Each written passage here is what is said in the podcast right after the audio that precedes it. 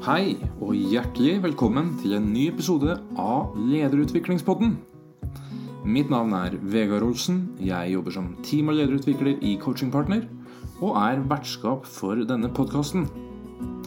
I dag så er vi veldig glade for å ha med oss noen av de mest erfarne i Norge når det gjelder teamutvikling, coaching og lederutvikling. Bjørn Ekelund starta bedriften Human Factors for snart 30 år siden, og utvikla team- og lederutviklingsverktøyet Diversity Icebreaker for 25 år siden. Og vi er også veldig glad for å ha med oss Pjotr Pluta, som er daglig leder i samme bedrift, og som også har lang fartstid med 11 års virke i Human Factors. Så til podkasten i dag så har vi med oss over 40 års erfaring med team- og lederutvikling. Og vi gleder oss til å høre hva Bjørn og Pjotr har å dele av sine erfaringer, tanker og refleksjoner, og hvilke tips og råd de har til team og ledere som ønsker å investere i sin egen utvikling. Så hjertelig velkommen til Lederutviklingspodden.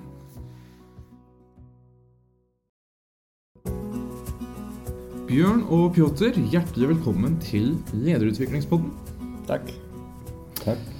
For første gang så har vi to gjester samtidig i Lederutviklingspodden, så det blir en spennende ny erfaring for oss her i podden. Um, jeg presenterte dere litt i introduksjonen her sånn. Um, både om dere selv og om Diversity Icebreaker, som er et verktøy dere bruker mye og har utvikla. Uh, og litt om bakgrunn og roller. Men hvis vi skal bli litt mer kjent med dere bak titler og roller, uh, hvem er du? Hva vil du si da, Bjørn? Bjørn, ja. Han er eh, vokst opp i Larvik. Eh, foreldre fra Bamble i Nedre Telemark. Eh, bønder. Men far han var eh, utdanna økonom og var den første i familien som tok seg høyere utdanning. Og jeg har levd da, vokst opp med en far som var disponent uh, i en betydelig industri i Larvik. Og uh, mm -hmm. har levd uh, opp med et, et, et hva skal jeg si, en forventning om å både oppføre meg pent og bidra inn og skape et bedre samfunn. Det er eh, litt av den protestantiske etikken og ansvarsfølelsen som ble gitt meg av mine foreldre. Og det er vel egentlig den gaven jeg har fått med meg. Mm. En gave til eh, å skape og bidra med noe, men også en form for eh, krav. da som man får med seg eh, gjennom den psykologiske arven som det er å vokse opp under et sånn type familieregime. Mm. Spennende å høre litt mer om, om din bakgrunn. Mm. Hva med deg, Pjotr? Hva vil du si utover roller og, Ja. og titler osv.? Hvem, uh, hvem er du? Hvem er Pjotr? Ja, jeg er øh, utover titler organisasjonspsykolog. er sånn jeg identifiserer meg yrkesmessig. Jeg har jobbet med, ut, med den bakgrunnen i Human Factors i elleve år nå. Eh, Men jeg kan si at jeg kanskje føler meg mest som Eller mestringsområdet av fasilitering. Og da snakker vi om workshops og gruppearbeid og, eh, og prosesser, rett og slett. Eh, Og da er jeg med Diary Icebreaker i spissen. Mm. Um, opprinnelig polsk. Jeg har bodd i Norge i elleve år, så litt eh, dette med krysskulturell kompetanse er også litt, eh, litt av det jeg tror er viktig for meg. Mm. Eh, og det er ikke bare, det kommer ikke av, seg selv å leve i et samfunn, men aktivt søke den kompetanse og prøve å bygge den. Eh, så det er det. Ellers er jeg veldig nysgjerrig, så jeg ofte starter på nye prosjekter og nye ting. Jeg er veldig opptatt av musikk, og det har jeg vært i noen år nå. Og det virker jeg det kommer til å fortsette med. Mm. Eh, I motsetning til andre prosjekter. Eh, Så det er altså det jeg driver veldig Jeg bruker veldig mye tid på eh, på privaten. da Mm. Og gjerne improvisasjon og samspill med andre. Og det, det har mye å si. Eller mye å gjøre sammen med, med prosessledelse og sånt. Mm. Så samspill det skjer i både bokstavelig og Ja. overført ja. betydning Ja, for deg? det kan du si. Mm. På ulike Ja. plan. Ja, Mm. Så spennende å høre mer og bli litt mer kjent med dere. Og, og dere er jo begge veldig opptatt av team og lederutvikling og har jobba mye med som du nevnte, Pjotr, Mm. workshops og seminarer og programmer osv. Eh, litt mer om bakgrunnen for det. Hva, hva er det som har brakt dere til det, og eventuelt hva er det som er mest spennende å jobbe med det? Eh, Bjørn, kanskje du har lyst til å begynne? Ja, dette er en, eh, dette er en lang reise. Jeg, eh, da jeg var 15 år, så begynte jeg kort og godt en reise der folk begynte å velge meg inn i ledende roller. Så da blei jeg eh, leder for diverse typer verv i skoler, i ungdomsskoler, videregående og i, i andre gym så ble jeg valgt til å lede en politisk aksjon for å bygge opp en ungdomsklubb i Larvik. Mm -hmm. Og eh, brukte et halvt års tid for å få til et politisk vedtak sammen med politiske organisasjoner. Et halvt års tid for å eh, pusse opp den første ungdomsklubben. Og et halvt års tid for å etablere driften. Og et halvt års tid for å overlate driften til profesjonelle. Og det var en toårs reise fra et entreprenørielt eh, perspektiv for å kunne skape det som ble da en 50 års lang ungdomsklubbhistorie i, i Larvik. Jeg skjønte ikke da at dette var faktisk mitt første seriøse lederjobb. Mm -hmm. Jeg skjønte ikke det da. Også fordi det jeg var opptatt av, var å eh, gjøre, skape noe i forlengelse av den tillit som blei vist meg av de menneskene som trodde at jeg kunne gjøre noe som andre ikke kunne gjøre. Mm. Eh, og det fikk jeg til. Eh, men, men vanligvis så tenker man om det å være leder at det, ledere er noe man har lyst til, noe man, man liker kort og godt å påvirke, man liker å skape. Jeg blei satt inn i de rollene fordi folk trodde at jeg kunne fylle den rollen. Mm -hmm. uh, og jeg meldte meg ikke til det. Og det har grunn preget veldig mye av mitt arbeid de første 10-15 årene profesjonelt også at jeg egentlig ikke ønsket å gå inn og lede og påvirke og vite og si noe bedre enn andre og skulle ha den makten da, som mhm. lå i en lederrolle. Men jeg blei spurt om å ta Jeg blei vist en type tillit og følte ansvar for å bære den tilliten rundt dette. Og det var på mange måter dra meg litt baklengs inn i fuglekassa. Inn i lederrollen, kan du si. Og det, jeg var 35 år jeg, før jeg skjønte egentlig at nå har jeg blitt puffa i 20 år inn i lederroller. Og det har jeg sjøl meg fått til. Men jeg har aldri valgt selv å gå inn i dette og sagt at nå ønsker jeg å skape og bygge noe. Og Human Factors var vel egentlig det første selskapet jeg etablerte der jeg hadde noen ambisjoner om at dette er noe Her ønsker jeg å gjøre noe og skape noe. Før dette så var det tillit vist meg å ta ansvaret og prøve å være verdig det og få ting til rundt dette. Og først når jeg da etablerte Human Factor, så begynte jeg å spole bakover og spørre meg sjøl hva er det jeg egentlig er god for? Hva er det jeg har å bidra med? Hva er det jeg har som gjør at jeg kan gjøre ting som ikke andre kan gjøre, og som gjør at jeg er verdig den tilliten? Og det ble på mange måter en snuoperasjon, der jeg sa at ja, jeg skal ta den jobben. Mm. Jeg skal ta det ansvaret. Og så skal jeg søren meg lede Human Factors bedre enn noe annet selskap jeg har kjennskap til. Det var litt av ambisjonen min da vi starta selskapet da, for, for 30 år siden. Ja. Så det jo, En viktig del av din utvikling som leder har egentlig vært å da virkelig se deg selv som leder og ta eierskap til det å være leder? 20 år etter at jeg hadde startet min, min karriere. Ja. ja. Og så har du da jobba med å hjelpe andre team og ledere å jobbe bedre sammen. Eh, kanskje både være bevisst på lederrollen og utvikle seg. og hva er det med, Hvorfor ble det det for deg, som forlengelsen av det du sa nå? I utgangspunktet så eh, var det slik at det å, å jobbe med lederutvikling var ikke noe som eh, jeg hadde så veldig sterke ambisjoner i når jeg beveget meg inn i organisasjonspsykologien. Mm -hmm. på det tidspunktet var jeg opptatt av organisasjonskultur, organisasjonslæring hvordan få mennesker til å jobbe sammen, eh, skape nye ting sammen. Eh, og når vi da laget det første konsulentselskapet i Nord-Norge som heter Oppinor, med fokus på dette, så, og tilbød tjenester ut til næringslivet, så kom næringslivet til oss og sa det slik at dere må jo drive med litt lederutvikling. Mm -hmm. Og det hadde ikke jeg gjort noen gang før. Men så hadde jeg med meg eldre folk, og de hadde litt mer kål på dette. Og sammen med en del eldre folk, eh, pedagoger og psykologer i Tromsø, så blei jeg med på en reise og, som de hadde større grad av eh, eh, nærhet til. I forhold til hvordan jobbe med mennesker for å kunne greie å kunne bekle lederrollen. Så der blei jeg med, kort og godt, i den prosessen. Og gjennom det så blei jeg kjent med det virket som det er å designe lederutviklingsprosesser i organisasjoner. Hvordan, hvordan jobbe med enkeltmennesker eh, i denne prosessen. Men hele tiden, hvis du tenker deg at du har en organisasjon, så har du ledere, og så har du folk som arbeider. Så hele tiden så har jeg vært opptatt av samspillet mellom de menneskene som jobber sammen for å få gjort noe. Og Det er Mhm. derfor team har vært mitt kjærlighetsobjekt, kan du si. Og ikke nødvendigvis lederen i teamet, men teamet. Som Mm. gjør at den enkelte føler at jeg gjør noe sammen med andre. Vi kan få ting til sammen som ikke jeg kan gjøre aleine. Mm. Og det er drømmen om å greie å realisere potensialet i det mellommenneskelige samspillet som har vært eh, det som har trigget meg. da. Mm. Og ikke nødvendigvis makten, ikke posisjonen, ikke autoriteten som ligger i lederrollen.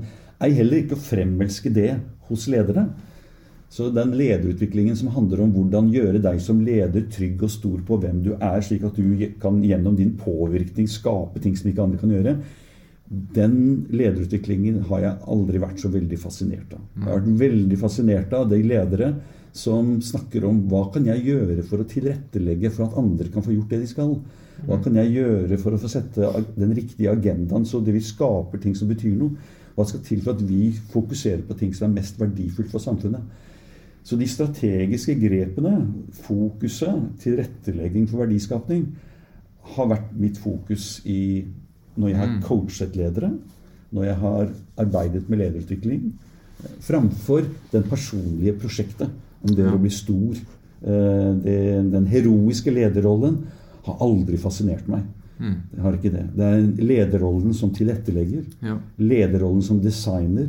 lederrollen som fasilitator. Lederroller som oppfordrer andre mennesker til å kunne vokse og til å skape. Det har det som har vært eh, fascinert meg i dette. Hva med deg, Pjotr, i forhold til det å Ja, hvorfor jobbe med team og lederutvikling for din del? Ja, for det spørsmålet i utgangspunktet det handler om hvorfor nettopp det. Altså prosess, utvikling, team, Ja. eh, seminarer og eh, Jeg vil nå si at jeg var alltid interessert i psykologi. Eh, og eh, hva skal man si Men ti- tidlig skjønte at eh, klinisk psykologi det er ikke for meg. Mm. Eh, Jeg var mer interessert i prosesser, grupper, og hvordan folk interakterer, interaktuerer sammen. Og hvordan de skaper ting sammen. Så egentlig mye det som Bjørn sa, jeg kunne også gjenta det i forhold til fasilitering og tilrettelegging av prosesser. da. Eh, Opptatt av hvordan du kan tilrettelegge for at folk kan skape noe nytt sammen. da. Samskapning. Mm. Det ble jeg litt fascinert av. Um, altså helt personlig, hvorfor jeg, jeg er ganske motivert når jeg står på scenen og, og, og kjører et seminar, men ikke nødvendigvis av det å være på scenen og det å være i sentrum. Eh, kanskje tidlig var det litt motiverende i seg selv, for det var litt kult å få folk til å, ja, til å le, til å skape innsikt der og da og si noe som var kanskje relevant og interessant for dem. Det er fortsatt det, for, for så vidt. Men um, det å kunne tilrettelegge for et sånn trygg situasjon der folk tør å si fra, og, og skape et, språk, og ikke minst eh, danne et forum eller en arena der de kan på en måte utveksle kunnskap og erfaringer og, og skape noe nytt. da. Det, det brenner jeg skikkelig for. Mm. Eh, og det er liksom dette at du kommer dit Du, du må ikke vite så veldig mye om content matter, for du vet jo ikke til syvende og sist eh, bedre enn de lederne som er der, om deres organisasjon. Du skal ikke gi dem svar. Det er ikke det jeg er ute etter. Jeg ble utdannet som eh, også prosesskonsulent, eh, en sånn seks måneders kurs. da, og, eh, og det er en metodikk som jeg fremdeles bruker. Og det, er, og det er der du ikke kommer med svar, men tilrettelegger for gode prosesser. Men det er deltakerne som til syvende og sist sitter på de svarene. Du bare prøver å få det fram og kontekstualisere for de. Eller med, de prøver å gjøre det med, ditt, med din hjelp. da. Um, så det kule med det er at jeg, jeg, prøver, jeg opplever at jeg kan improvisere ganske mye. Eh, eller heller improvisere i bakgrunn av å være planned and prepared, altså til tilnærmingen. Så jeg er ganske ofte ganske detaljerte kjøreplan og ganske vel forberedt. Men jeg vil, virkelig liker å, å ta med som fasiliteringsbeslutninger der og da og kjøre prosessen, liksom følge prosessen. Um, og jeg tror det tok meg litt tid å skjønne hvilke kjernekvaliteter jeg, jeg kanskje har som fasilitator et menneske, og da er jeg litt tilbake til den der selvledelse, på en måte. Og det å se sammenhenger og se rød tråd er, noe jeg, jeg, tror jeg har. Eh, og det, det, det, det, liker jeg å bruke i, i sånne seminarsammenhenger eller utviklingssammenhenger. Det er flere folk som snakker samtidig. Flere, flere folk som mener forskjellige ting samtidig. da, Og du prøver på å samle det sammen. Tilrettelegge for at vi kan finne en felles tråd rundt dette. Og skape ny innsikt. Det er mm. kult. Mm. Og da snakka jeg liksom, eh, om musikk og improvisasjon. Jeg holdt mye på eh, friimprovisert musikk. da Og det er, det er ikke jazz, det er hva som helst. Det kan være noise, det kan være whatever. Men ofte så spiller jeg med folk som kommer med veldig forskjellige bakgrunner. da Og, og da er det en som er veldig rockete, en som spilte bare klassisk, en som litt samme greie som jeg, og en jazzmusiker eller aspirant, aspirerende musiker. Og da får du høre de ulike stemmene det minner meg absolutt en sånn situasjon der du har eh, Gjerne på slutten av seminaret. Da, det er forskjellige bord som snakker om hva er det viktig for oss her, ledere, for å takle endringer som kommer. Og Da hører du liksom forskjellige stemmer, forskjellige samtaler, forskjellige tunes.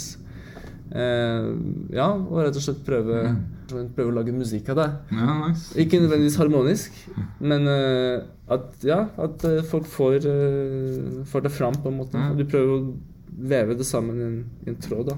Det litt det jeg får virkelig sånn kick av. Ja, spennende. Mm. Og jeg, jeg, føler jo det engasjementet, og det gjør sikkert lytterne her òg, mm. sterkt. Og samhandling og samspill er jo veldig sånn kjerneord for dere begge to. Og høres ut som for Human Factors også. Um, og um, to pluss to er større enn fire er vel kanskje liksom det dere brenner mest for her, da? eller? Altså synergi? Ja, det er ikke til å komme fra det. Eh, drømmen er å Hva skal til da? for at eh, to pluss to blir mer enn fire? Mm. Det, det, det, er drømmen eh, rundt dette. Jeg har noen ganger vært inspirert av at man skal få skapt noe mer enn ja, Mer enn det man sjøl har nære til. Da. At man må bidra med noe som er såpass stort at det går utover hva den enkelte kan ha oversikt over. Og Det å bygge en katedral er et eksempel på det. ikke sant? Man greier ikke det alene, man må gjøre det sammen med andre. Og det å eh, lage store prosjekter i verden eh, kan ikke man gjøre alene. Ergo så blir det samspillet og det verdiskapende samspillet som vi hele tiden må søke etter. Mm. Og jeg tenker at, eh, at enkeltmennesker kan få gjort tingene. Det får de jaggu meg greie sjøl. Men vi psykologer skal sørge for at samspillet mellom enkeltmenneskene kan noen ganger tilrettelegges, sånn som du som Pjotr prater om det nå. Eh, slik at noe mer kan skapes som følge av det. Mm. Det er jo drømmen om en, eh, å maksimalisere verdiskapning som følge av Hvis du skal bruke musikkbegrepene, da. Få de ulike tonene og ulike stemmene til å bringe noe sammen som ingen har hørt før. Som er nytt. Og som, som sier 'aha, dette her var jo dette var gøy', altså. Mm. Og det er drømmen om det, som, eh, både for de som er musikere, og for tilhørere de som er produsenter, og de som er mottakere og brukere og konsumenter, at alle parter i den prosessen mm. der sånn opplever at Jøss, yes, her fikk vi til ting. Her ble det skapt ting som ikke jeg hadde trodd vært mulig rundt dette. Og det er drømmen. Mm. Drømmen er det. ja. Og Diversity Icebreaker, som uh, dere utvikla for uh, rundt 25 år siden, eller som du utvikla, Bjørn. Det er vel en del av den drømmen. Om å bidra, et verktøy som kan bidra til å skape flere katedraler. Definitivt. Eh, og det er så mye drømmer i Diversity Icebreaker-konseptet, så det er vanskelig å putte inn i en podkast, kan du si. Mm. Eh, men eh, Diversity Icebreaker er et verktøy for, å, for at folk skal finne fram til hvem er jeg sammen med andre mennesker, og hvordan kan jeg bruke meg sjøl på en best mulig måte. Og hvordan kan jeg hjelpe andre til å få brukt seg på best mulig måte, slik at vi kan finne hverandres posisjoner, kan du si. For å, for å skape noe sammen som er mer enn hva hver enkelt person kunne fått til. Det er ikke til å komme fra det. Mm. Og så tenker jeg at uh, dette er jo Nå prater vi om det som vi, vi skal drive og produsere og skape ting. da. Mm. Og det er jo tross alt det vi skal leve av. Men det er altså det vi, det vi går til helvete med. altså Vi produserer så mange ting, og vi forbruker ting opp. Eh, det er mye av livet som handler om ikke bare å produsere ting og få skapt resultater, men å forsøke å forstå. Eh, både forstå oss sjøl som mennesker og forstå andre mennesker. Og samtale om hvordan vi forstår oss sjøl og hverandre.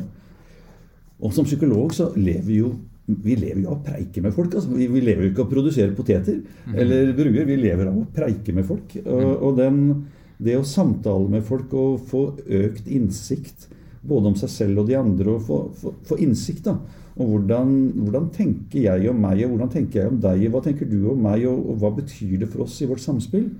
Hva betyr det for oss vår identitet? Hva betyr det for oss for, for lysten til å kunne utvikle oss som mennesker? Hva betyr det for oss slik at vi på mange måter snakker om å kunne bli en bedre versjon av seg selv. Alt dette er jo samtaler. Det er, det er, det er mennesker som prater sammen, som skaper lyst og engasjement. Mm. Og på, på, et vis så er jeg mer fascinert av det. Jeg er mer fascinert av og, hva skal til, og hvordan kan vi bruke det bøst i icebreaker? Slik at energi skapes mellom mennesker. Lysten til utvikling. Drømmen om å skape noe skjønt sammen. Og glede seg over at andre lykkes, og at vi lykkes sammen til å skape skjønnhet rundt dette. Og denne, dette språket, dette kommunikasjonen som forløser den type lyst og engasjement, er vel det som jeg syns er mye mer spennende enn om de produserer de beste skoene i størrelse 42. Mm. Eh, og som psykolog så er det samspillet, kommunikasjonen, sjølforståelsen, samskapingen av, av, eh, de drømmene som kan med energi drive mennesket framover. Det er vel det som egentlig gir meg kick. da. Og eh, som psykolog eh, og, og, som jeg tror er vårt spesialområde, vårt spesialområde ja. er å hjelpe folk til å forstå seg sjøl og andre i et samspill som er mer verdiskapende. Så det er på en måte en, en større katedral her òg, høres ut som. sånn sett. Vi, jeg, jeg sa, det, sa, det, sånn for ti år siden at nå har jeg lyst til å dra til Midtøsten og rydde opp der først, så skal vi ta rydde klimakrisen etterpå. Og det er vel et uttrykk for litt sånn mangel på ydmykhet i forhold til troen på hva man kan holde på med. Men det er sagt med en, en fleip og en sagt med en litt alvor. Eh, jeg syns det hele tiden er viktig at vi stiller spørsmål hva er det vi gjør som er, bringer oss som et samfunn framover. Og da må vi tørre å kunne se de store utfordringene, og vi må tørre å stille oss sjøl spørsmålet hva gjør jeg i hverdagen som bringer oss fram til det, et, verden, et samfunn som er bedre enn det vi har med oss i dag. rundt dette. Mm. Og For min del så tror jeg ikke det blir så veldig mye bedre ved at vi produserer flere bruer, som far min var veldig glad i. Men jeg tror faktisk det blir bedre hvis vi skaper en hverdag der vi gleder oss, og, gleder oss over gode samtaler, eh, lysten til å høre musikk sammen glede seg over opplevelsen av å være i rom sammen med andre mennesker som, ja. som samtaler om ting som gir innsikt.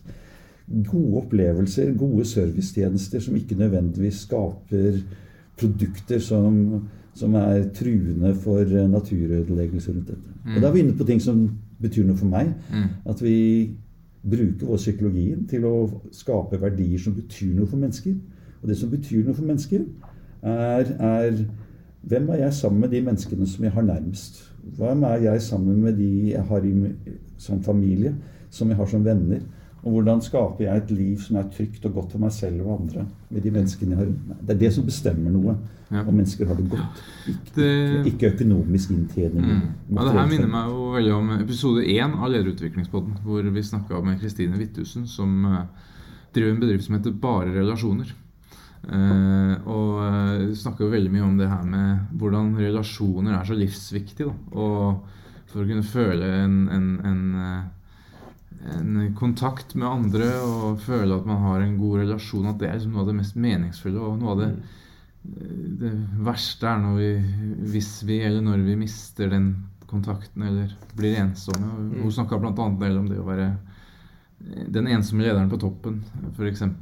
Så eh, mange mange viktige perspektiver her. sånn. Og, og mye mening da egentlig med, mm. med, med, det dere jobber med. Jeg vet ikke, Hva vil du si, Pjotr, for at du har legget til noen diversity mm. icebreaker? Og, og ja, det er flere ting jeg tenkte på mens Bjørn eh, snakka. Jeg er ganske enig med, med meg. altså To pluss to ikke er nødvendigvis mer enn fem. altså det er snakk om hva slags produkt, innsikt. Eh, iblant så opplever jeg det å holde et seminar og og egentlig redusere Altså reduksjonen er effekten. At vi er mer enige om én ting eh, som vi kanskje skal gjøre, versus lage flere prosjekter. Um, men uh, du snakka nå om relasjoner i forhold til uh, den forrige podkasten, da.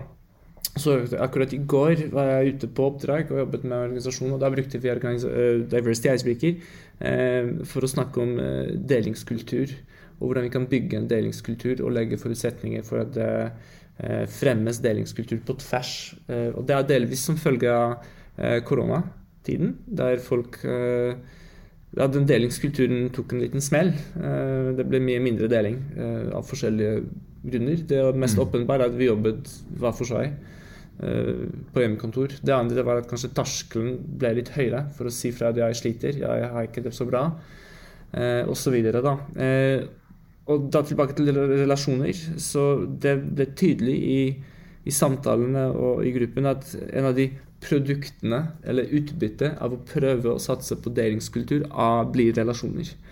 Og det å dele kunnskap, det å dele usikkerhet, det å dele erfaringer, det å dele spørsmål, det å be om hjelp, gi hjelp og proaktivt øh, øh, støtte og sånt, eh, det bidrar til å bygge relasjoner. da. Eh, og da blir vi ikke så ensomme i organisasjonen, eller som du var inne på. Mm. Ja. Så relasjoner er viktig. Og, eh, Ja. og jeg liker jo også navnet Diversity Icebreaker. Mm. Som på en måte spiller på den det mangfoldet. Og jeg opplever det veldig som Jeg har jo brukt det verktøyet her mange ganger sjøl i teamworkshops og, og med grupper. Og det, det, det er en sånn icebreaker. altså det, det får folk til å snakke sammen og dele ting som de ikke hadde gjort ellers. Mm. Og det er klart at det er viktig å gå ut og spise en god middag med teamet og spille bowling eh, eller forskjellige ting. Men du, du får likevel ikke den dimensjonen her. Mm. Og, og derfor så er jo også dette verktøyet her faktisk eh, mitt eh, favorittverktøy som, Mm. i forhold til å jobbe med team. Mm. Fordi det er liksom så Det er så enkelt, men samtidig så Hva skal jeg si mangfoldig og rik rikt, da. Eh, og det treffer så veldig godt. Mm. Og det er spennende hvordan de gjør det på bare som et, eh, et kort spørreskjema, fem-ti minutter, og så Mm. begynner man å jobbe for å utforske det her sammen. Mm. Og så skjer det masse. Og så lærer man også masse. Og så, så er folk man har jobba sammen i 20 år, som liksom Å ja, men det er Mm, derfor du er sånn, og det er derfor du pleier å gjøre sånn eller si sånn. Og jeg har også erfart det sjøl med en god kollega av meg, som også da er coach, og vi jobber jo veldig mye sammen, har coacher med hverandre, har kjempegod tillit, er gode venner. Men så gjør vi det her, og så finner vi ut mm. Altså vi gjør testen, da. Mm. Så finner vi ut ting som vi ikke visste. Og det er ganske utrolig. Mm.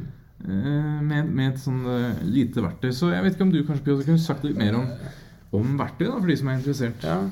Eh, Du var inne på noe når du sa at eh, ja, man kan gå ut og spise middag sammen og ta en pils sammen, og så ha det være sosiale og begynne å prate da. Eh, det er, det er her det er sånn veldig uformelt. Og så kan du ha et møte på eh, høy toppnivå og snakke strategi og snakke hvordan vi kan på en måte takle det at vi har kanskje konflikt her i avdelingen.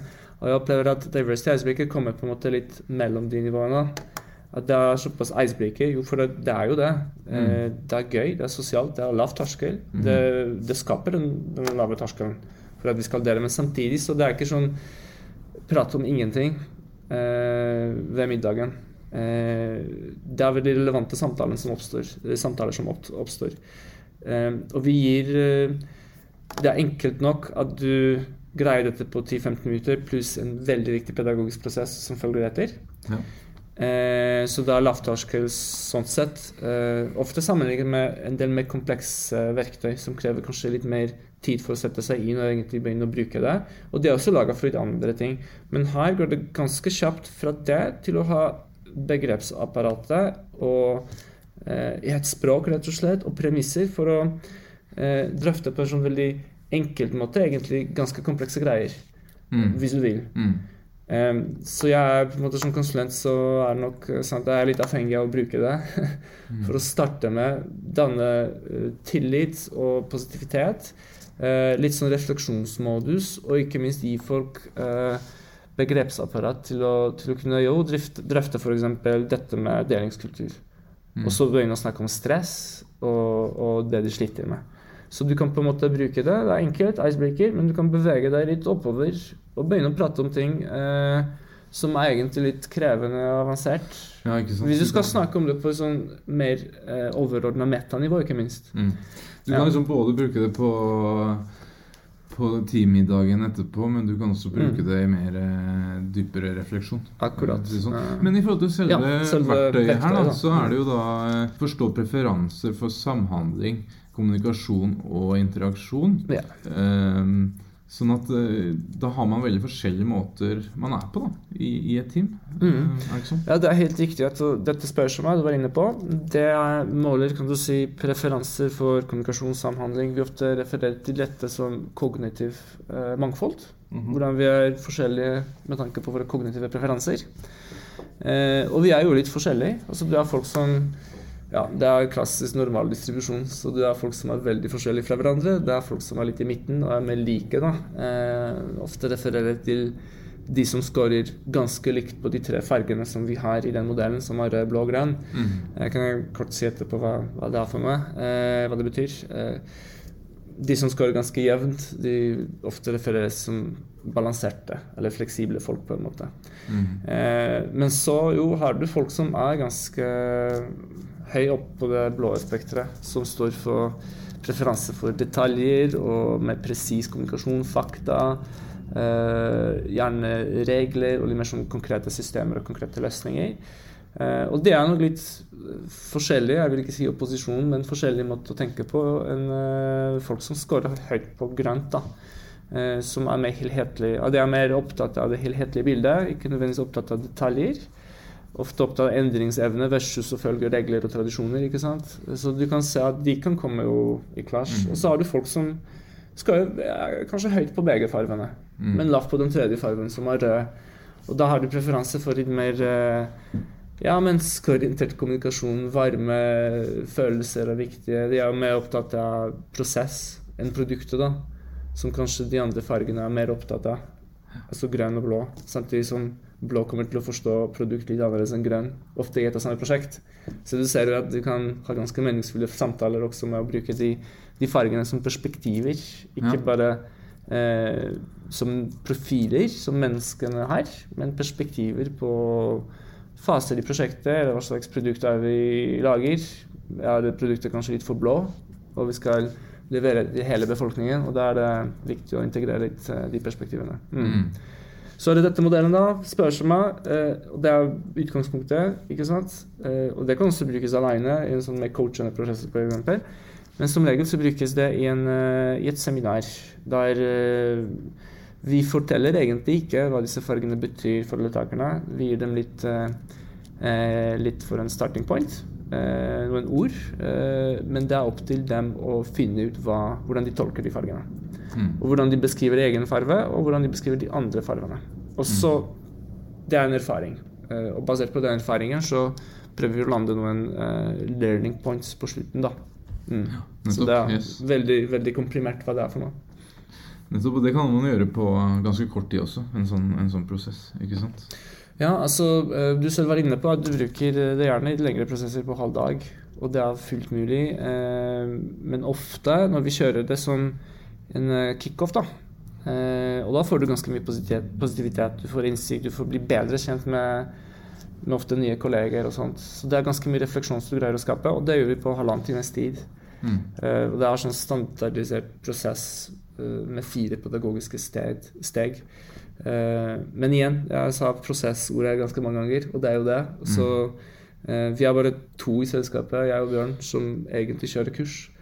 Eh, men vi har et par tusen konsulenter worldwide som er registrerte brukere. Og jeg er ganske sikker på at ikke alle bruker det akkurat som Nei. Bjørn eller jeg. Eh, det er veldig fleksibelt, men jeg, jeg tipper at utbytte er Jeg håper det er utbytte alltid det. Altså det er innsikt i seg selv, kjennskap til andre, og hvordan de oppfatter meg, og hvordan vi sammen på en måte er forskjellige, men kan eh, håndtere dette på en Mm. bra måte. Yes. Eh, Du nevnte litt om forskjellene her. altså Blå som er veldig glad i fakta. Grønn som eh, ikke er glad i fakta. Rød som er veldig glad i, i det menneskelige og kanskje litt smalltalk. Så er det de som ikke liker small, smalltalk. Så det kan jo fort bli liksom konflikter her da, når man ikke er bevisst på de tingene. Og når man blir bevisst på tingene her, så blir, kan det plutselig bli spennende.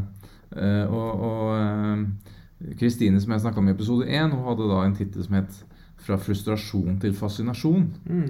Det er en spennende tid som sikkert dere også kan kjenne dere igjen i. Eh, men jeg vil høre litt mer med, med dere begge, da, og kanskje spørre spør deg først, Bjørn. til, Vi har også snakka litt om utvikling. Du har snakka litt om hvordan du har utvikla deg selv som leder, ved å se deg selv eh, på forskjellige måter som leder og lederutvikler opp igjennom.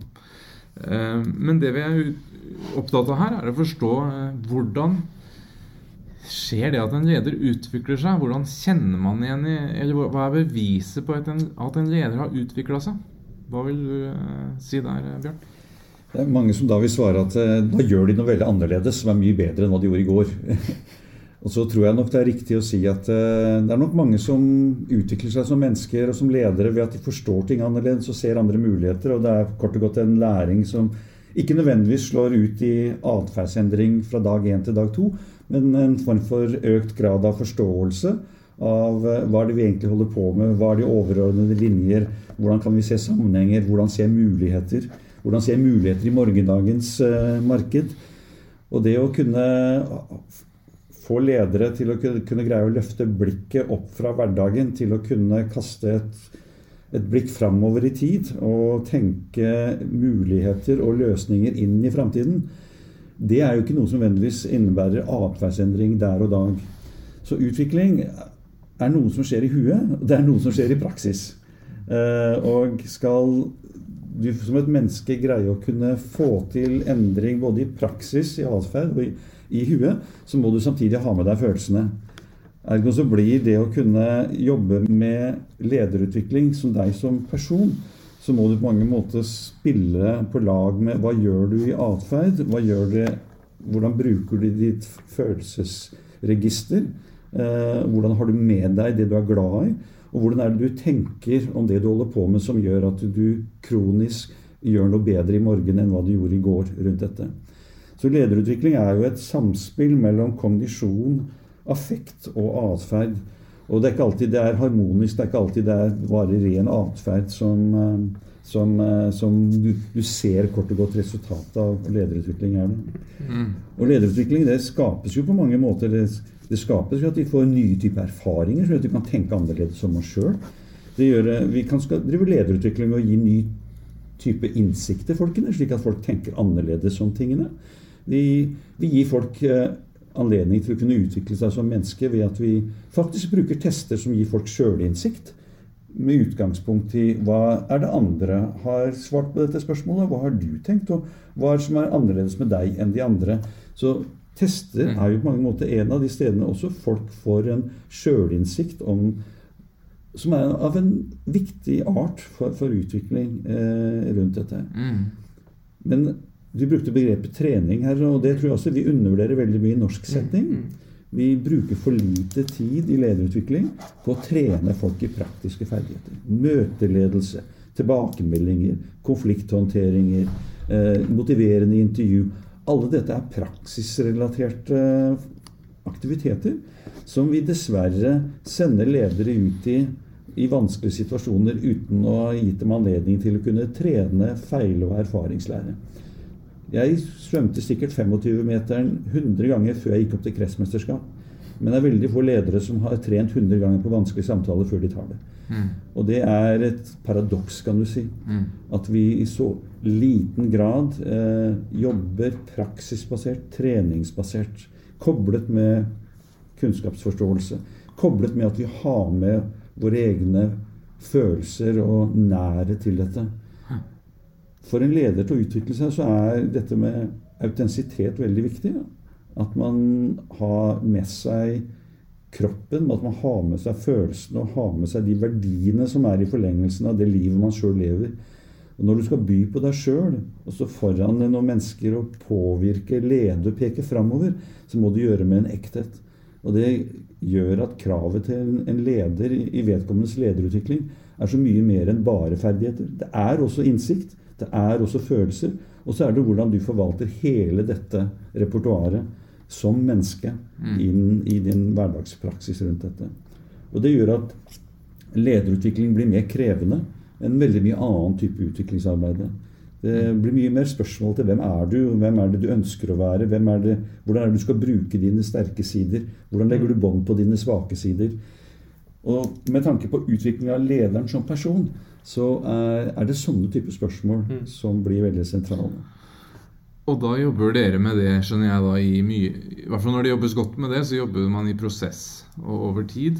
Øh, regner jeg med. Og, og, og, og, hvordan kjenner du da eller dere, da, igjen at å ja, nå har denne lederen tatt steg. Eh, nå har denne lederen svømt 50 ganger og er klar for eksamen, for å si det sånn. Eller, altså, hvordan, hva er liksom bevis eller eksempler på, på at en leder har eh, faktisk utvikla seg? I, uh, for 10-15 år siden så begynte jeg å skrive et arbeid om 360 graders feedback. Og et veldig enkelt svar på de spørsmålene er å si at når medarbeiderne ser at han gjør noe helt annerledes som skaper bedre resultater, mm. da har vi sett resultatet. Mm. Uh, og det er jo riktig. Altså Når en leder gjør noe annet, medarbeiderne opplever en annen, og det skaper bedre resultater, så har vedkommende leder som person utviklet seg og blitt flinkere. Det går ikke an å mm. si noe annet om det. Samtidig så uh, er det jo slik at lederutvikling er en personlig reise. Det er en eh, reise der eh, folk eh, blir bevisst litt hva de selv ønsker å prioritere. Og noen velger å gå ut av lederroller fordi de opplever at dette er ikke så veldig viktig for meg akkurat nå. Andre sier at nå ønsker jeg å utvikle ledelsesferdigheter litt mer generelt. Andre sier at nå vil jeg bli prosjektleder, som er noen annen type ledelse rundt dette her. Så i, i, praksis så vil jo en utvikling av ledere ikke bare være ett enkelt spor med et klart kriterium om hvordan det skal se ut rundt dette. Mm. Så både økonomiske resultater og medarbeidernes vurdering er enkle dimensjoner å hva skal jeg si, sette som kriterium. Men for en leder under utvikling som ser seg sjøl i speilet og jobber med personlige verdier og forvaltning av det, i forhold til den organisasjonen han har anledning til å kunne påvirke og spille på lag med, så kan noen ganger lederutvikling være litt uforutsigbart. Mm. Det skal ikke så puttes i sånne enkle skalaer i form av at jøss, yes, 3 høyere produktivitet. Ergo så har lederutviklingen vært en suksess rundt dette. Spennende svar og gir mye mening det du sier om 360 og, og, og resultater osv. som er liksom mange måter ultimate bevis. Eh, men går det an å likevel trekke fram noen sånne stikkord her? Sånn type tryggere, roligere, bedre coach eh, som leder, eh, bedre lytter Jeg vet ikke. Går det an å trekke fram noen stikkord sånn generelt? Ja, det, det, blir jo selvfølgelig veldig kontekstavhengig, men hvis man likevel skal liksom forenkle. Å oh, ja da. Jeg i, dag, I dagens situasjon så vil vel mange si det slik at uh, uh, hvis du som leder er, uh, har gode sosiale ferdigheter og mellommenneskelige ferdigheter, så legger du til en tilleggsdimensjon som du nødvendigvis ikke har fått med med utdanningen din når du ble økonom eller revisor eller jurist. Ja. Og greier du å legge på de sosiale dimensjonene, som, og de viktigste sosiale dimensjonene, det er faktisk å, å Stille spørsmål, eh, lytte på folk, eh, vise respekt for hva de sier, integrere deres ideer. Og for oss som jobber i team, da, så er det jo det å få til det samspillet eh, som blir ekstremt viktig rundt dette. Eh, du nevnte her bare relasjoner, og relasjonsledelse er jo blitt et veldig sentralt tema i, i norsk eh, setting. På 50-tallet, når det amerikanske ATNT, altså det telefonselskapet i Amerika på 50-tallet, skulle finne ut hva som er suksesskriteriet for ledere i deres selskap, så kommer høyest opp på denne rankinglisten er sosial kompetanse. Nest høyest kommunikasjon. Og da prater vi om 50-tallet i Amerika. Mm. Vi har visst i 70 år at uh, sosiale, kommunikative ferdigheter er det viktigste av alt. Og i norsk setting, som er så opptatt av kommunikasjon og respekt, så er det ingen ledere som lykkes uten at de har de ferdighetene til seg.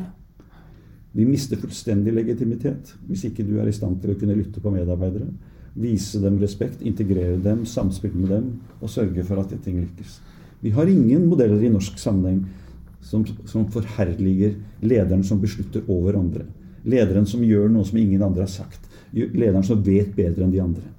Den ledertypen har ikke noe suksesskriterium har ikke noe suksessrate i norsk styresetting. Her er det ledere som skal være respektfulle. De skal være villige til å kommunisere, lytte og spille på lag med og integrere rundt dette. Og de skal framfor alt stå der med en form for eh, ydmykhet i forhold til det ansvar som de er tildelt. Eh, vilje til å kunne se feil, ville kunne innrømme feil og kunne dele erfaringer sammen med andre. Dette er kvaliteter som er vanskelig for mennesker å leve i, særlig med folk som har makt, og som tror at de på mange måter vet bedre enn andre. Og kort godt vise ydmykhet. Vise vilje til å kommunisere. Vilje til å lære sammen med andre mennesker. Og den gode nyheten her er jo at dette er ting som man kan bli veldig mye bedre på å lære seg. Altså det er, eh, det er verktøy, det er bøker, det er kurs, det er utdanninger, det er eh, ferdigheter som man kan trene på i, med, med, en ledertrener av forskjellig slag. Sånn at eh, Det er jo den gode nyheten.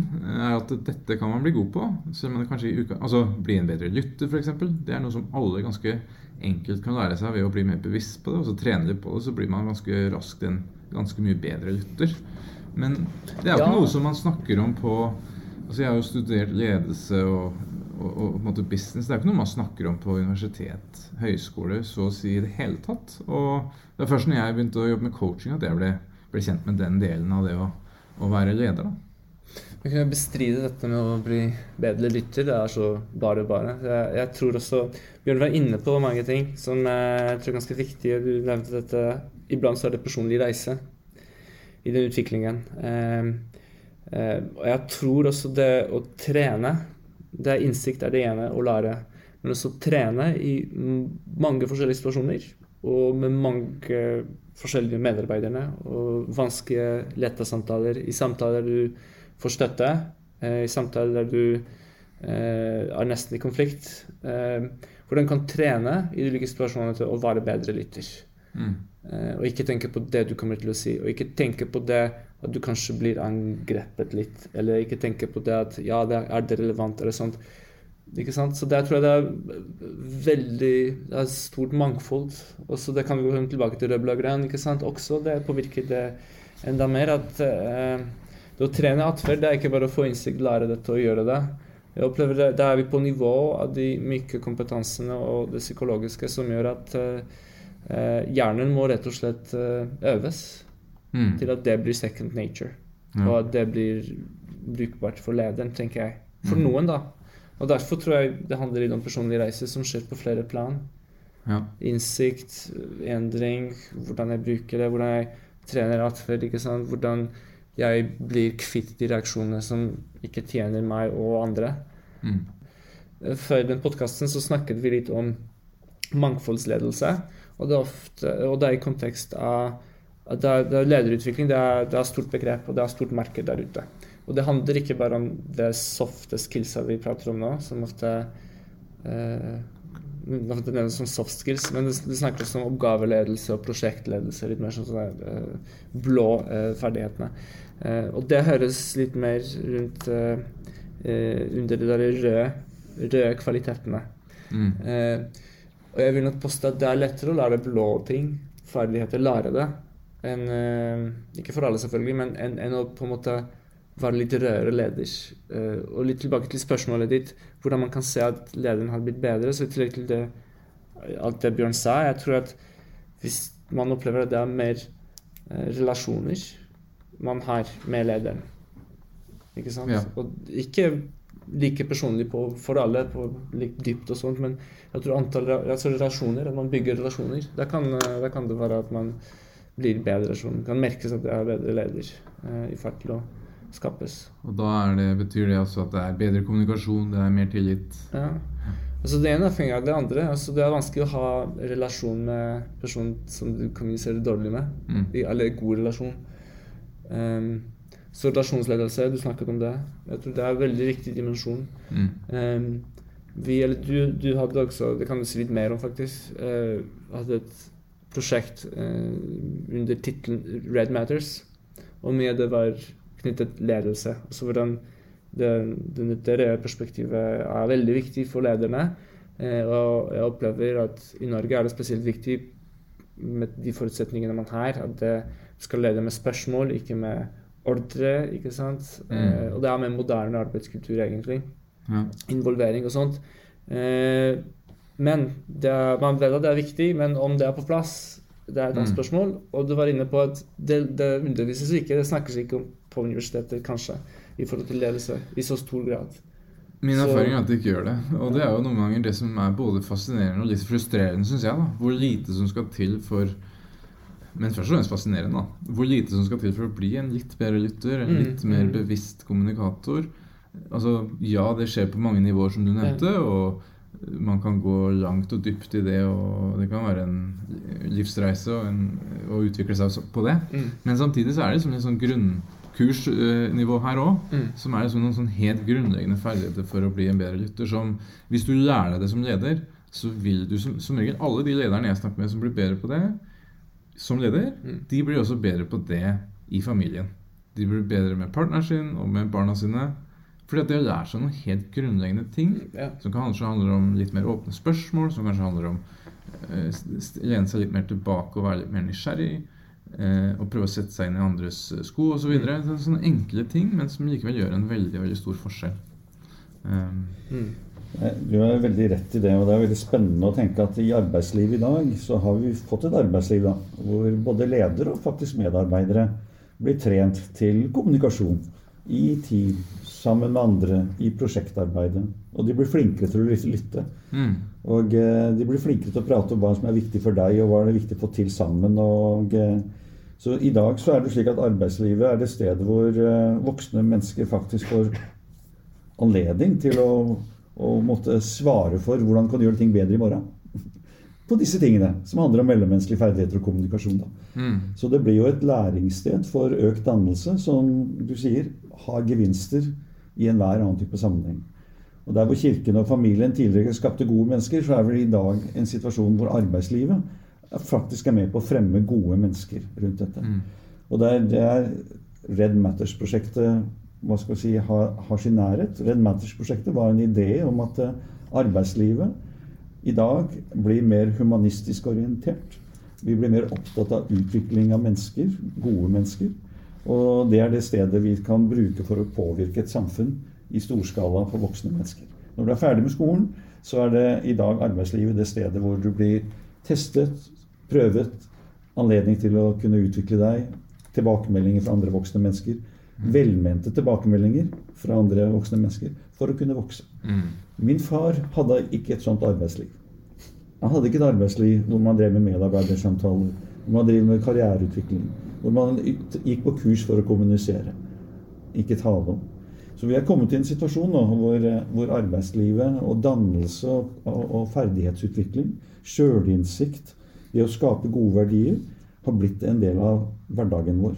Og det, det er fantastisk. Det er ja, det som det er, er, eh, eh, det er på en måte en større katedral, det òg. Vi snakka litt om det her i i aller stad. høyeste grad. Og, men så er jo klart, jeg er jo da en typisk grønn, så jeg er jo kjempeglad i sånn type ting. Ja. Så det er jo litt farga av det òg. Men, eh, men Men, likevel så er det jo som du sier, det er viktig Um, og det er viktig um, i en norsk kontekst, som du sa, da, som er spesielt opptatt av disse røde ferdighetene som vi faktisk kan trene på. da. Og det er den kjempegode nyheten. Og, og man trenger ikke ha gått verken BI eller eh, NHH eller andre steder for å bli bedre på det. Det er Nei da. Og eh, du har også rett at de klassiske akademiske institusjonene gir ikke så veldig mye plass til det. Mm. Så må vi jo tenke litt sånn ydmykt. Vi har jo litt sånn arbeidsfordeling i forhold til dette med ledelse og lederutdanning. Eh, Det er den lengste lederutdanningen, formelle lederutdanningen på akademiske institusjoner er som regel Master of Business Administration. Det er etter to års studium maks. Det er ikke noe syvårsstudium for, hvor folk går og tar ledelse. mm, Du tar deg, Etter at du har en grunnutdanning og fått deg noen jobber og fått noen praksisår, så tar du deg et sånt tilleggskurs på universitetet eller en annen type anledning til å få opplæring. Universitetet er et sted for formidling av teoretisk arbeid. Lederutvikling er ikke bare teoretisk. Det er teoretisk, men det er ferdigheter som vi prater om. Og så er det sjølinnsikt med personlig utvikling som må ligge i bånn rundt dette. Og den sjølinnsikten med personlig utvikling må jo gjøres i sitt naturlige miljø. Og det naturlige miljøet for å jobbe med lederutvikling er når du en, er i en rolle der du har makt. Der du har et ansvar. Der andre mennesker hører mer på deg enn på andre. Der du har et beslutningsmulighet og påvirkningsmulighet for morgendagen som de ikke hadde. Og det er den rollen, opplevelsen av makt og ansvar, som du må på mange måter stå i når du skal bearbeide Hvordan er det jeg, da, som Bjørn, møter mine medarbeidere eller mine styremedarbeidere eller andre som er viktige for virksomheten, slik at jeg forvalter den rollen på en troverdig måte. Jeg kan ikke trene svømming uten å ha vann rundt meg. Mm. Du kan ikke trene forvaltning av makt og ansvar uten å være i det. Mm. Dergo så får du ikke 25 års gamle folk som ikke har vært på, ute i praksisfeltet til å bli ledere når de kommer ut av et, et psykologistudium eller et økonomistudium. De er ikke ledere da. Du må inn i praksisfeltet. Du må ha en kombinasjon av erfaringsnærhet, rollenærhet, personlig bevisstgjøring, ferdighetstrening, men også teoretisk forståelse. Mm. Det er noe som heter strategi. Det er noe som heter produksjonsstyring. Det er noe som heter resultatoppnåelse. Det er noe som heter markedsføring. Det er noe som heter personaladministrasjon. Alt dette her er ikke områder som nødvendigvis man får med seg i, i det arbeidet. Det er ting som man må jobbe med i en lederrolle rundt dette. Og master og business administration er en krysning av alt dette her. Ja, absolutt. Jeg ser den. Er, men jeg tenker også, som du sier, at det er ja òg her. da. Og jeg ser jo, jeg har jo jeg har bodd i London og England de siste sju åra. Interessant å se eh, hva som skjer, og forskjeller og likheter. F.eks. på eh, universitetet i Oxford så har de nå fått coaching inn som helt grunnleggende sentrale deler av sin lederutdanning f.eks. Det hadde man ikke bare for noen år siden. Så det skjer noen ting her òg. Så jeg, tror det er viktig også i det akademiske at man tenker ja og her òg. Og, og, det tror jeg skjer også, mer og mer. Men jeg tror det er viktig at det fortsetter å skje. Og det er et stort, stort behov for det. og det er greit å ha hatt noen uh, merkelapper og noen uh, stikkord uh, før man går ut i, i, stormen eller i praksis, mm. for å si det sånn. Vi, vi, har, vi, er stolte av å ha Diversity Iceback levert til akademiske institusjoner. Og flere mm. av disse bruker dette i den prosessen du Sjølinnsikt, social skills, eh, ferdigheter for å kunne jobbe sammen. Utvikle bevissthet om hvordan kan jeg ta ansvar for meg sjøl som student i møte med professor med de andre studentene. Dette er virkemidler og arbeidsmetoder som brukes av akademiske institusjoner med studenter i dag. Mm. Ja, det er helt annerledes i dag enn hva det var for ti år siden. Og coaching som et fenomen har jo blomstret opp og blitt integrert i økende grad i alle steder hvor voksne mennesker skal nettopp drive med personlig ferdighetsutvikling rundt dette. Coaching er jo en veiledning av andre mennesker, en fasilitering av andre menneskers vekst i praksisbaserte, selvstyrte prosesser. Mm. Eh, og i så måte så skal vi få til dyktige folk da, som vi produserer ut som 25-åringer, så er det i dag at ganske store grad er enige om at de som ikke blir tilsatt, de som ikke får jobben, de som ikke lykkes, er som regel folk som ikke har med seg de sosiale ferdighetene godt nok. Hei, du kan regne. Du, du, du kan produsere et, et hjul. Men kan du jobbe sammen med dine kolleger? Kan du stimulere andre til å kunne glede seg over samværet? Kan mm. du hjelpe til innsikt og produktutvikling? Dette er ferdigheter som ikke nødvendigvis er det du, som var kjernen i utdanning tidligere, mm. men som i dag blir satt i større og større grad i høysetet. Og, og den veldig gode nyheten her er jo at det, eh, er aldri for sent. Altså det, du kan alltid lære deg eh, disse ferdighetene. Og du kan alltid endre fokus og justere atferd på forskjellige måter. Eh, det er bare noen ti, For noen tiår tilbake så trodde man at sånn var det ikke innenfor psykologi også. At, liksom at når man har blitt en viss alder, så er det liksom, da er man den man er, og den personligheten av de verdiene og så videre som man har. Men det vet man jo i dag at det ikke, ikke stemmer. Mm. og er man eh, på å si 60-70-åring i dag og ønsker å ta tak i det her, så kan man virkelig mm. virkelig lære seg det. Så Det er noe av det som jeg syns er utrolig spennende og fascinerende. Mm. Det enkleste for å trene folk til å bli flinkere til å lytte, er å få dem til å tie litt stille. Ja, det er en god start. Det er en god start, ikke sant? Og se om du kan være stille i to minutter til. Ikke sant? Det, det, kan føles veldig lenge første gang du gjør det. Det kan føles veldig lenge, og du har helt rett. Det er veldig mange av disse ferdighetene som kan jobbes med hele livet gjennom. Mm. Og eh, det er aldri noen grense for personlig utvikling mm. eh, rundt dette.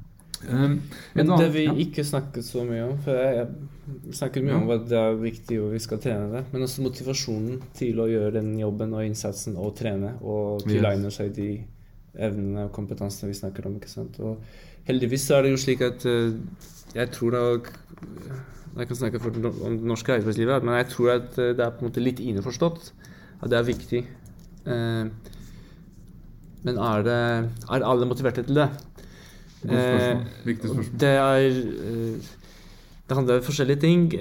Men f.eks. du kan være en veldig blå-orientert person, skåre høy på den kompetansen. Og, og, det er ikke det mest naturlige og mest motiverende å, å, bygge relasjoner for deg, kanskje på arbeidsplassen. Ikke nødvendigvis, men det kan også prege det litt. Eh, eller om det er noen andre hensyn som kanskje er ofte, oftere tilfelle. Men jeg tror det er også viktig å gi være tydelig på 'what's in it for me'. Ja, eller hva er plikten? Eller opplever jeg den plikten, liksom?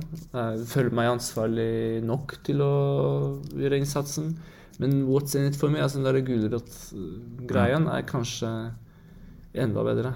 Helt klart. Eh. Veldig viktig perspektiv, eh, det du mm. nevner der. Eh, å, prøve å møte der, folk der hvor de er, og ha respekt for det. og What's in it for me prøve å forstå hva det er som mm. kan være motiverende for hver enkelt. Og det kan være veldig forskjellige ting fra mm. person til person.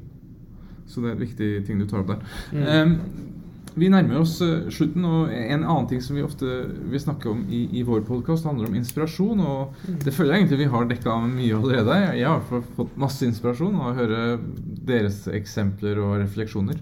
Og det håper jeg at lytterne også har uh, gjort. Men jeg vil også likevel spørre dere, jeg kan begynne med deg, Piotr. Hva er det som inspirerer deg aller mest i din jobb? Jeg tror jeg nesten snakka litt om det helt innledningsvis. Og det er Ja, men jeg kan utdype litt, eller vise en annen side av det. For det som også er litt inspirerende, er å komme eh, i et rom med mennesker som skal jobbe sammen, eh, tenke høyt sammen, reflektere sammen.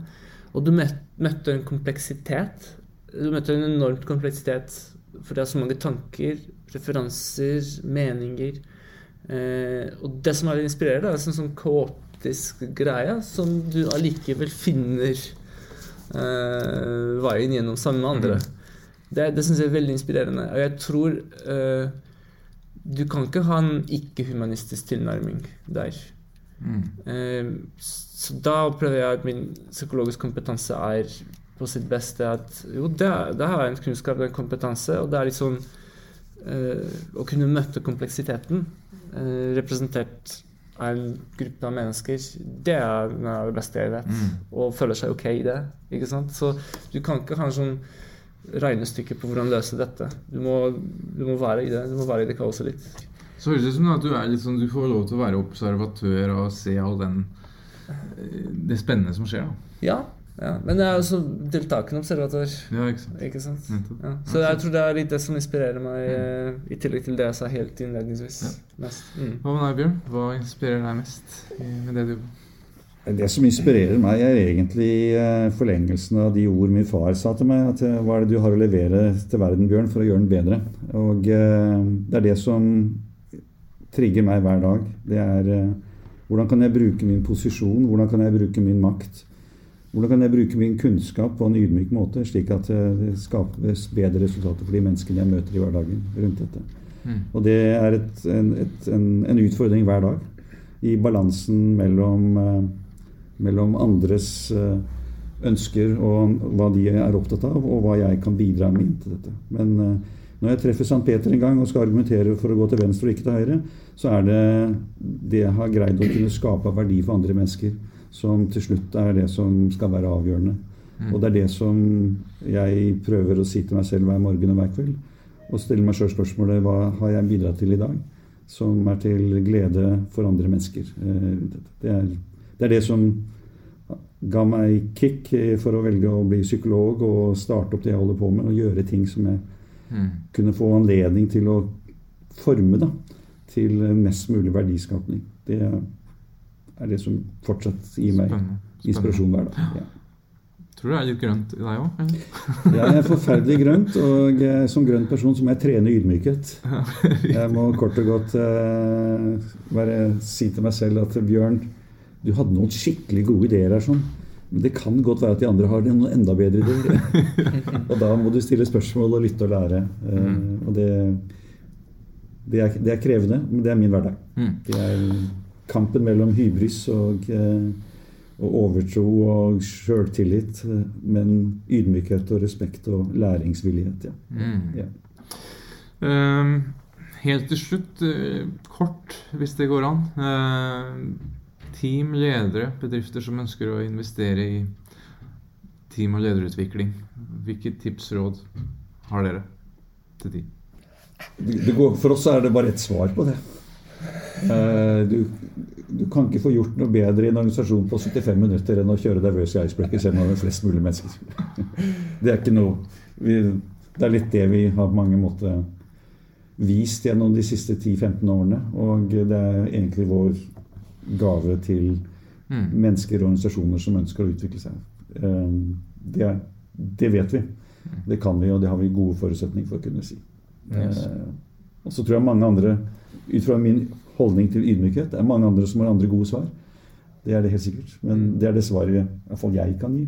Også Hvis du jeg- ser, eh, og det gir mening, hvis du ser bort fra verktøyet, da, eh, hvis man Sånn generelle råd om det å utvikle team og ledere, hva vil du si da? da?